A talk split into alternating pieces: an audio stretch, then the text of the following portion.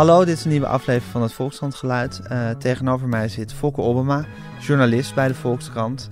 En uh, hij schreef een fascinerend en prachtig artikel over uh, ja, iets wat zijn leven behelst heeft de afgelopen tijd.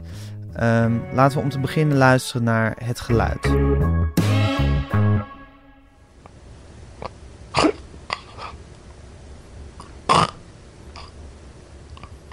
Ja, Fokker, dat was een gasp, zoals jij het zelf noemde. Wat is een gasp? Een gasp is de laatste ademstoot die je hebt. Die je mensen uitblaast. Die je in je leven. En um, dat is een geluid dat ik heb voortgebracht. Uh, en ik kan het erover vertellen in tegenstelling tot de definitie, dus dat is enigszins wonderlijk. Maar ik maakte dat geluid uh, in de nacht van 31 maart op 1 april 2017. En dat was uh, om één uur s'nachts. Is dat eigenlijk altijd een uh, heftig geluid? Ik uh, weet niet hoe dat bij anderen zit, maar het was in ieder geval zo heftig dat mijn vrouw gealarmeerd raakte. Je en, vrouw hoorde dat, ja, dat geluid? Die hoorde dat geluid terwijl zij naast mij lag te dommelen. Het was op een moment dat onze oudste dochter was eigenlijk voor het eerst ongeveer uitgegaan. Was dus wat later thuisgekomen, waardoor zij, mijn vrouw, ook later ging slapen. En eh, ik was al eerder naar bed gegaan, dus ik lag diep in slaap. Moeders slapen licht, zeker in dat soort situaties. Met dochters. Ja, nee, dat klopt. Dat klopt. En, en ze sliep, ze zat echt op zo op de rand van slaap. En toen hoorde ze die gasp. Ja. Uh, en raakte ze gealarmeerd. En het eerste hele goede wat ze deed was uh, ze ging luisteren naar mijn ademhaling. En die was er niet meer. En het tweede wat ze deed was het licht aanknippen. En constateren dat ik er uh, uh, als een lijk uitzag. Lijk bleek. Lijk bleek. En bewegingloos. En bewegingloos. En ja, zij heeft vervolgens de tegenwoordigheid van geest gehad om te bedenken dat de situatie groter was dan zij zelf aankon. En is dus naar beneden gerend waar haar mobiel lag. Omhoog gerend, pincode ingetoetst. En heeft uh, eh, 112 gebeld. Ja, je vertelt het nu inderdaad zo letterlijk. Omdat dit nou typisch zo'n situatie is waarin elke seconde telt. Ja. Dus inderdaad naar beneden rennen en weer naar boven. Een pincode intoetsen, een nummer bellen, verbinding krijgen. Dat zijn allemaal secondes. Klopt. En die zijn allemaal essentieel. Ja. In een situatie dat iemand net een gasp heeft uh, ja, ja. uitgeslagen. Ja, ja, dus de uh, stelregel is dat het vijf minuten mag duren. Daarna treedt hersenschade op. Ja. Dus je uh, ademhaling is gestopt en je hart is gestopt. En daarmee ben je klinisch dood. Ja. En dan is het zaak om... Uh, ja, Binnen via... vijf minuten de boel weer op gang te krijgen. Want ja. anders vindt er onherstelbare schade plaats. Ja, ja, het bekende voorbeeld is natuurlijk de Ajax-voetballer Nouri. Ja. Waar dat uh, niet gelukt is met een heel professioneel team eromheen. Ja, bij mijn vrouw die dit overkwam, is het in godzijdank wel gelukt. Ja.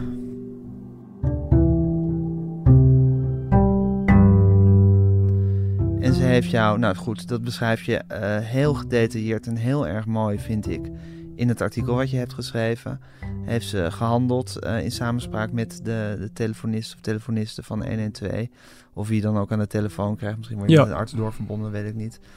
Uh, er zijn ongelooflijk snel mensen gekomen om je te helpen. Ja, dus binnen vijf minuten stonden er acht man in mijn slaapkamer. Eh, van uh, voor, vooral brandweerlieden. Uh, die dus, uh, wist ik ook niet, maar meer reanimaties doen dan branden blussen. Uh, en die, die hebben me geholpen. Nou, in eerste instantie dus mijn vrouw die gewoon instructie van de 112-dame ja. kreeg hoe dat moest. te reanimeren, ja. En die heeft dat, die heeft hele cruciale fase gedaan van die eerste paar minuten. toen kwamen dus die brandweerlieden, die hebben dat overgenomen. En tegelijkertijd werd er een kraanwagen buiten neergezet voor mijn transport naar het ziekenhuis. Er waren agenten, eh, ambulancepersoneel uiteraard. Dus er waren gewoon echt, uh, ja, is, ik vind het fantastisch ja. dat wij in zo'n land leven. Je beschrijft dit minutieus en fantastisch en ook de maanden daarna. Uh, zeg nog één keer de datum wanneer dit gebeurde. De nacht van? Ja, 1 april. 1 april, precies, ja. ja. 2017. Klopt. Um, wanneer ben je dit stuk gaan schrijven, wat nu afgelopen zaterdag in de krant stond? Nou, dat ik dat aan ging, dat avontuur, dat was in februari van dit jaar, dus 2018. Ja. ja. Ja. Dus je hebt daar toch een ja, goed half jaar. Is dat echt. Eh, maar je zegt, je zegt dat ik dat avontuur aanging. Nou ja, was je alweer aan het werk toen? Uh, ja, ik was vanaf uh, september 2017 officieel weer een beetje aan het werken. Maar dat stelde niet veel voor, moet ik bekennen. Vanaf 1 januari werd dat wat meer. En toen dacht ik, uh, nu is het ook wel het moment om het op papier te zetten. Waarbij speelde dat ik als idee had dat het uh, goed zou zijn om naar aanleiding van deze gebeurtenis een interviewserie te maken ja. De zin van ons leven. Want je beschrijft in dat stuk eigenlijk, uh, ik vat het nu even heel kort samen. Je moet het absoluut lezen om het helemaal te begrijpen. Maar je beschrijft in dat stuk uh, nou eigenlijk hoe je fysieke herstel heel erg snel ging. Dat je eigenlijk heel snel fysiek er weer bovenop was. En dat je dus daadwerkelijk eventjes klinisch dood was geweest dat fysieke herstel ging heel snel. De, het geestelijke herstel hobbelde daar eigenlijk nogal achteraan. In die zin dat je toch ineens geconfronteerd werd met ja, de grote vragen des levens. Waarom leef ik? Waarom is dit mij dit overkomen? Waarom heb ik dit overleefd? Waarom zijn anderen niet gegaan? Wat heeft het leven eigenlijk voor zin als het zomaar plotseling ineens afgelopen kan zijn? Ja, een hele berg aan, aan levensvragen ja. overviel jou en daar moest je uit zien te komen. Ja, wie komt daar ooit uit? Kan je afvragen. Maar goed, je moest er zo uit zien te komen dat je weer kon functioneren in ja, elk geval. Ja. Nou, dus de een, om er één vraag uit te pikken. Waarom is mij dit overkomen? Uh, dat was wel de vraag die eigenlijk vanaf het begin mij het meest uh, bezig hield. Die andere vragen, weet je, meer de existentiële levensvragen, die kwamen daarna. Ja.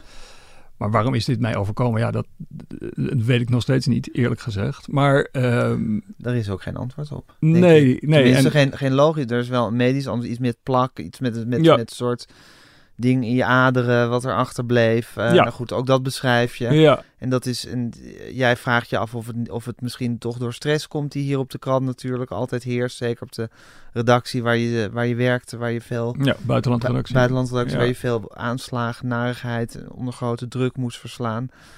Uh, jij vraagt je of het door stress komt. De dokter zeiden eigenlijk, nou dat kan eigenlijk niet de oorzaak zijn. Nou ja, die, die, die waren daar niet heel uh, duidelijk over eigenlijk. Nee. Zoals ze dus eigenlijk, en ze zijn fantastisch, want uh, nou ja, ook, ook dankzij hen zit ik hier. Maar als je dan de vervolgvraag stelt van waardoor kwam het nou precies? Ja, dan, dan laat ze toch uh, ja, sta, zitten ze of staan ze met een mond vol tanden. Ja, maar goed, eh, Fokje, je krijgt ook kanker zonder Zo is zonder, het. Zonder Zo is het. Ik bedoel, het lichaam kan gewoon gebreken vertonen zonder dat er een directe ja. uh, oorzaak of aanleiding is aan ja. te wijzen. Goed, dit is een, een wolk van vragen en vraagtekens en en levensvragen die zich, die, die, die zich dus aan jou openbaarden. Zeker. En die jou uh, te neersloeg of die je uh, paniekerig maakte vaak en onrustig en... Uh, gestrest. Gestrest, daar weer van. In ieder geval ben je op een gegeven moment gaan werken. En was het voor jou toen meteen een duidelijkheid... ik wil hierover gaan schrijven. Dit moet ook een onderwerp voor mij worden nu. nee, helemaal niet. maar gaandeweg, met name toen ik bedacht dat ik die interviewserie wilde gaan doen, uh, kwam het. Ja, want dan is de vraag: oké, hoe ga je de lezer uitleggen dat je eh, over de zin van ons leven opeens uh, hem daarmee wil gaan lastigvallen? Ja, dat kon ik eigenlijk alleen maar door mijn eigen verhaal te vertellen. Kijk wat er met mij is gebeurd. Ik zit nu met die vraag. die, die dringt zich aan mij op. Want dit stuk is eigenlijk het startschot van een interviewreeks over de zin van het leven. Ja, dat klopt. Ja. En je voelde dus wel de urgentie om de lezer te gaan lastigvallen met een interviewserie over de zin van het leven. Om jouzelf even te citeren met dat lastigvallen. Ja, ja. Nee, ja god, daarvan had ik het idee dat dat iets was wat ontbrak aan de krant. Dus een, een uh, af en toe een, een levensbeschouwelijk uh, stuk uh, bij alle nieuws uh, en waan van de dag. leek mij een waardevolle toevoeging aan de krant. Um, dus, dus daar was ik eigenlijk wel van overtuigd. Het, ik, ik, moet er trouwens ook bij zeggen, want dus enerzijds is het dus die, die, dat idee van die serie, maar er, er was ook wel een toenemende innerlijke noodzaak. Precies. Om het, om het op te schrijven. Ja. Weet je, want juist omdat die gebeurtenis zo groot is, um, wil je er op een of andere manier vat op krijgen. En was die hele gang naar uh, de oorzaak was dus een vrij frustrerende. Uh, en ja, als journalist heb je nou eenmaal het vermogen om dingen op papier te zetten. Ja, of de afwijking, hoe je het wil noemen. Nou ja, ja, ja, ja maar goed, ik, in dit geval toch wel het, dankbaar het vermogen. En um, ja, heb ik daar gebruik van gemaakt om, om in het reinen te komen met uh, mijn verwerkingsproces verder door te zetten. En um, dus, dus die twee dingen kwamen eigenlijk samen. Ja, er moest toch wel iets, bedoel, je moest het kwijt op een of andere manier. Ja, dus, dus voor, voor mijn eigen verwerking. Ja, en voor en, en, en, je de journalistieke relevantie en ik zag, de relevantie voor de krant er ook wel van inzag. Ja. Om daar eens bij stil te staan. Ja, ja. ja. Hey, en even los van die interviewserie, dit stuk hè, waarin je in volgens mij bijna 5000 woorden, het is een heel lang verhaal. Het voelt geen moment saai, maar het is een lang verhaal. Uh, voordat je dat aan, aanving, had je enig idee wat je op zou gaan schrijven? Wat je op wilde gaan schrijven? Uh, ja, dat is, ja, dat is wel interessant dat je dat vraagt. Want um, um, het bleek een journalistiek verhaal te worden. Dat had ik niet direct voor ogen. Ik had uh, eigenlijk als eerste aanzet had ik het idee om een verhaal te schrijven om grip te krijgen op de gebeurtenis. En dan zouden het bij wijze van spreken gewoon dagboekaantekeningen zijn. Of, of hè, uh, ja, gewoon aantekeningen die, die verder niemand zou lezen. Maar eigenlijk vanaf het moment dat ik achter die tekstverwerker zit, werd het een verhaal wat ik in een krantenvorm goot. En ja, dat is eigenlijk uh, kan ik dat verder niet heel goed verklaren. Behalve te constateren dat dat de manier is, kennelijk voor mij, om, het, uh, ja, om er om grip op te krijgen. Omdat je al getraind bent in het schrijven van journalistieke verhalen. Er honderden hebt geschreven. Dus, en, en, en, en automatisch, en dat is ook helemaal niet verkeerd, in die vorm schiet om het gewoon journalistiek op te schrijven. En waarin is het, waarin is het een journalistiek verhaal? Nou ja, ja het, wat, wat het ook, die vorm ook wel uh, geeft, is enige afstand. Uh -huh. hè? Ja, en ik denk dat... precies. Het is nergens larmoyant of... Uh, nee. Dus... Uh, je beschrijft nooit emoties om de emoties. Nee, want die, die zijn zo voor de hand liggend, weet je, dat je, dat je ja, iedereen kan dat verder invullen. Ja. Um, maar dus dat, dat was ook wel een verklaring waarom ik het in deze vorm heb gedaan. Weet je, want dat, ja, die, die, die, die afstand die het uh, in zich heeft, die had ik kennelijk dan toch ook wel weer nodig. Ja, ja, en je voelde niet de. En, en dat was ook weer een teken van mijn eigen verwerkingsproces. Begrijp je? Dus als ik het een half jaar eerder had geschreven, was het waarschijnlijk wel uh, behoorlijk larmoyant geworden. Uh, hè, want dan zat ik er nog zo in die emotie nog. Ja. dus het was ook een eigenlijk een soort uh, thermometer die je in jezelf steekt. Van oké, dus ik ben nu tot dit in staat om er met deze distantie... deze distantie over te schrijven. Ja, en, En, en er een, een goed journalistiek verhaal van te maken. Meer dan een soort uh, bekentenisliteratuur. Ja, of, of huilen op nou papier. Ja, precies. Ja, ja. En uh, blijkbaar was het ook jouw geest die aangaf: ik ben er nu aan toe om het stuk te schrijven. Want een half jaar eerder ben je het ook daadwerkelijk niet gaan doen. Nee, ik bedoel, klopt. Je hebt gewacht tot dit moment om het te gaan schrijven. Ja.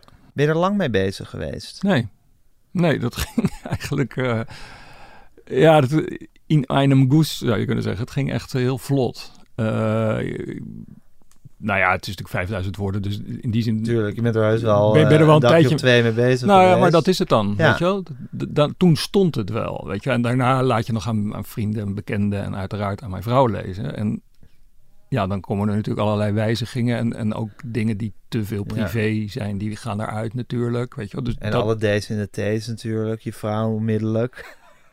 Wat vond je vrouw ervan? Van dat... Van dat verhaal? En dat je in staat was om dit zo op te schrijven? Nou ja, die reageerde eigenlijk wel geschokt in eerste instantie.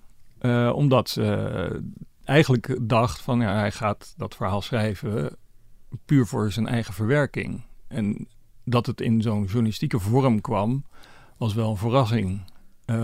En het was natuurlijk ook een confronterend verhaal, weet je, omdat het zo uh, gedetailleerd uh, eigenlijk een hele traumatische gebeurtenis voor haar um, beschrijft. Ja, voor mij was de gebeurtenis zelf ja heel ingrijpend, maar niet traumatisch, omdat ik er gewoon... Omdat je het niet meer weet. Nou ja, dat is het rare. Ik heb het alleen van horen zeggen, weet je. Dat, dat is toch... Ja, ik, ik heb dus ja, geen... maar het feit dat er zo'n gat in jouw geheugen zit... en dat daar iets gebeurt waar jij zelf geen vat op hebt...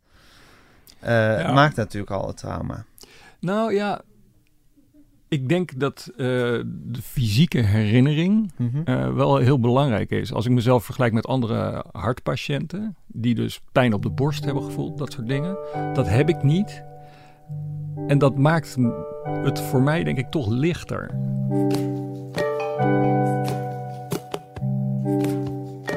Want ja, ja, ja, je hebt die angst, die paniek niet gevoeld. Nee, en ik kon daardoor dus ook heel snel weer op mijn racefiets gaan zitten, eh, twee maanden later. Want ja, uh, bij mijn weten deed mijn lichaam het gewoon weer. Dat hadden die artsen gezegd, ga maar lekker sporten. Dus ja, oké. Je zat wel op je racefiets, maar je, je werd ook gekweld door allerlei... Uh, Met die kwesties, existentiële zeker, vragen. Zeker. Alleen, alleen, een, alleen dus een niet. Een fantastisch stuk in het verhaal is, en men ik aan minder fantastisch om mee te maken, is als jullie op vakantie gaan. Mhm. En je eigenlijk ja, vanaf het moment dat jullie Amsterdam uitrijden in een soort uh, paniek raakt. Uh, Ja. Die alleen maar even ophoudt als jullie in, in een soort meditatieoord zijn, waar, waarvan je vrouw vaker kwam. Ja. Om gewoon een week lang echt totale rust te vinden. Maar zodra er weer naar, naar Giets of naar campings gereden moet worden, dan ben je heel onrustig en paniekerig en, Ja. enzovoort. Ja. Ja. Ja, er, er is wel iets gebeurd in je hoofd. eh, enorm, enorm. En eh, ja, mijn, mijn reactie op de gebeurtenis was in eerste instantie bagatelliserend. En Ja. dus, eh, weet je, een beetje de houding, ja, de loodgieter is geweest, eh, we, we kunnen weer door. Precies, alles is even doorgespoten. Ja, ja. Ja. en eh, nou ja, oké, dat was het dan. Nou ja, in, die sfeer zat ik helemaal in het begin, weet je wel, van Ja. nou, oké, de, de Amsterdam. Gold Race, ik zal misschien niet helemaal uitrijden, maar dan toch wel de helft, weet je wel, ja, Ja. kom maar op. Ehm, maar ja, je, goed, je hebt pas op de plaats moeten maken wat dat betreft. ja, ja, het Ja. is er niet meer van gekomen, die eh. Nee, maar goed, je hebt ook Nee, pas nee, op de plaats zeker. maken in het idee dat alles, alles weer zijn eh, beloop zou hebben. En dat, Ja, dat je binnen twee weken gewoon weer het, het, het oude leventje op kon pakken. ja, exact, Ja. exact. Dus dat, ehm, eh, nou ja, en, en, en mijn vrouw heeft daar ook daar in dat traject heel erg eh, geholpen. Ja. Dus het, het doorgronden van de omvang van de gebeurtenis en nou ja, het hele pijnlijke traject daarna, weet je wel, waar je dus toch de hele tijd zit, Ja. eh, eigenlijk een beetje zit te klagen. eh, eh, over, over wat er allemaal door je hoofd speelt, weet je wel. Dat heeft ze ook allemaal liefdevol eh, aangehoord. Je zit Dus, niet te eh, klagen, je deelt het. Ja, nou ja, dat, daar zit het precies. dat-? En dat- het dat is- woord klagen zit klagen een hoop, zit, hè? zit, zit natuurlijk al een beetje de, de zit- veroordeling Precies, van jezelf. van jezelf. Weet je, Ja. die, eh, die dan niet terecht is. Ja, Maar, ehm, eh, nou ja, het, het was echt een lang proces natuurlijk. het was een lang proces. Ja, Ik snap het heel goed. ja, En je vrouw las dat dus weer terug toen ze dat stuk, eh, toen ze dat stuk las. ja. Ja, en Ja. maakte dat op haar manier ook weer door. Ja. Ja, nee, precies. Dus dat Ja. eh, kwam hard binnen, zoals dat Hey, tegenwoordig en de zin van het leven, Volker, kan je me daar wat meer over vertellen? Ben je er al achter? Hoeveel interviews over de zin van het leven heb je al gehouden nu voor die serie? Ik heb er nu eh, acht gehouden. En? Eh, en Weet je het? Nou, ik denk dat de helft zegt geen zin en de andere heeft een passend antwoord. Nou ja, kijk, weet je, het is een Er vraag. zijn mensen met een passend antwoord. Nou, in ieder geval een voor hen passend antwoord. Ja, oké. nou, Ja. Dat, dat vind ik al fantastisch. ja. ja. Ehm, kijk, het is een, een eeuwenoude vraag. Eh, er, er gaat niet een beslissend antwoord uitkomen. eh, maar het is wel een vraag, heb ik gemerkt, die leidt tot uiterst boeiende gesprekken. Ja. eh, waar ik de tijd voor neem. En die ik zo opschrijf dat mensen, ehm, nou ja, daar blij mee zijn. Eh, in ieder geval de geïnterviewden. Maar ook wel mensen die ik het laat lezen. Dus ik, ik, ik heb het idee dat ik wel iets te pakken heb. Uh, en iets... Word je er zelf wijzer van? En waar ik zelf zeker ook wijzer van word. Ehm, en het, ja, kijk, het, ik sta natuurlijk toch nog aan het begin van dat proces. Dus um, uh, ik denk dat ik dat, dat we het nog een keertje, dit gesprek nog een keer over moeten doen als, als, als ik verder ben. Heel graag. En dan, dan, uh, dan zal ik er ook meer. wat meer over die inhoud uh, kunnen vertellen. Maar er zijn, ja, zijn ontroerende uh, ontboezemingen van mensen. En, en het geeft mij weer veel stof tot nadenken over hoe je in het leven kunt staan. En, en um, ja, wat dit allemaal voorstelt, wat we hier met z'n allen aan het doen zijn. Dus uh, dat, dat uh, ja, een blessing in disguise is het in die zin. Um, ja, heb je het idee dat, je, dat het je verrijkt? Dat je dit de, bent gaan doen? De, dat ik dit ben gaan doen en ja, zeker, zeker. Ik zat ook toch in die laatste jaren bij die buitenlandredactie toch op een punt waarvan ik dacht van ja, hoe moet ik nu precies verder, weet je wel? En nou ja, dit, dit geeft wel uh, heel veel perspectief, vind ja. ik. En uh, ja, heb ik het echt het idee van dit is zinnig, um, zowel voor mij als voor uh, lezers. Hoop ik. Het krijgt een bijna religieuze component, hè? Nou, die religieuze component zit erin, want ja, het gaat over leven en dood. En dan... Kom je daar al gauw op? Ja, wat ook, ook als je daar van zegt van ja hij bestaat niet. Um, maar dan, dan is dan vervolgens toch de vraag van... Uh, wat wat okay, is er dan wel? Maar hoe... Hoe, hoe, hoe is het wonder ja, geschied? Hoe, hoe, ja. ja. Nou ja, en hoe, hoe geef je toch zin in het leven? Ja. ja. Heb je zelf een religieus gevoel? Nou, van huis uit in ieder geval niet. Um, maar ik ben agnost. Dus ik, ik sta... Je geeft het een kans. Ja, ik sta sterk op het standpunt van ik weet het gewoon niet. En is dat nog veranderd sinds deze hele nou, ik ervaring denk, en deze gesprekken die je daarover gevoerd mm, hebt? Ik denk dat het nog wat nadrukkelijker, scherper uh, als, als mijn voorlopige standpunt uh, Dat je een twijfelaar is, bent. Dat ik daar een totale twijfelaar in ben en dat dat uh, ook helemaal niet erg is.